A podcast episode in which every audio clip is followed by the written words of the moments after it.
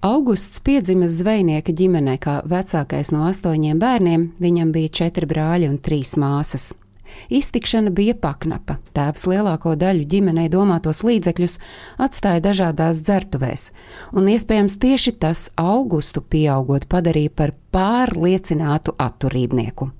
Lai nodrošinātu ģimenei iztiku, Augusts jau no agriem puikas gadiem devās tēvam līdzi zvejā. Skolā Augusts nav gājis nevienu dienu, lasīt un rakstīt viņu iemācīja mamma.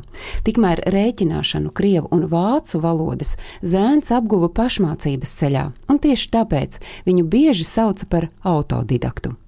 Pusauģa gados augusts dabūja darbu kokzāģētavā Jāņa vārtos pie sava turīgā tēvoča Jēkaba Dombrovska, kurš bija viens no pirmajiem latviešu rūpniekiem. Pie tēvoča strādājot, augusts sevi pierādīja kā centīgu un cītīgu strādnieku, viņam uzticēja ar vien nozīmīgākus darbus, tikmēr augusts tā laikā spēja izprast kokzāģētavas darbības principus. No tēvoča kokzāģētavas augustam nācās aiziet, jo viņam bijušas domstarpības ar tēvoča sievu. Tobrīd augusts jau bija precējies ar ķengaraga kaimiņa meitu, un abu ģimenei pēcāk auga trīs dēli un meita. Pie tēvoča sapelnīto naudu Augusts nolēma ieguldīt savā uzņēmumā. Pirmais sekmīgais darījums bija plostu pludināšana uz Mielgrāvi, un pavisam drīz viņš iesniedza Vidzemes guberņas valdē lūgumu ļaut atvērt savu kokzāģētavu Vecmielgrāvī. To kopā ar kompanioniem, kas gan pamazām atkrita, izveidoja klajā laukā, kur uzbūvēja katlu māju un darbnīcas. Kad apkārtni pamazām sāka apdzīvot kokzāģētavas strādnieki, vieta ieguva adresi - Meldru iela 1. Vēlāk izraka kanālu, kas savienoja kokzāģētavu ar Daugavu.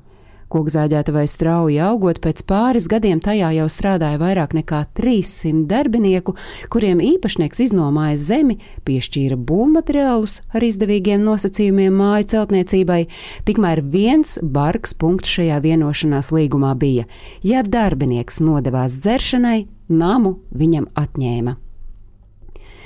Augusts Dombrovskis 1900. gadā atvēra skolu, vienu no pirmajiem bērnu dārziem Latvijā, dibinājis pansiju kultūras darbiniekiem un vēlāk proģimnāziju. 1904. gadā viņš nodibināja atturības biedrību Ziemeļblāzma, tās vajadzībām uzceļot biedrības namu un ierīkojot parku. 1905. gada revolūcijas laikā namu gan nodedzināja, bet vēlāk tieši Dombrovskis piedalījās pašreizējās kultūras pils Ziemeļblāzma projekta izstrādē un arī dzen finansēšanā. Un vēl Augusts Dombrovskis bijis lielisks vioļmeistars.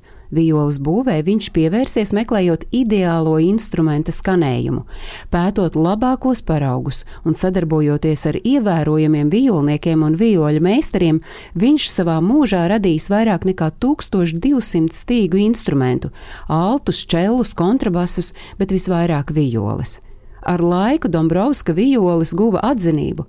Tās Pirmā pasaules kara sākumā pajūgos nosūtīja uz Petrogradu, bet karam beidzoties ar kuģi atveda atpakaļ. Vijoles pēc Dombrovska nāves novēlētas viņa vecākajam dēlam, Augustam, kurš bija violnieks. Rīgas vēstures un kuģniecības muzejā glabājas viņa veidotais kvarteta instrumentu komplekts - divas violes, alts un čels. Stāstīja Agnese Drunka.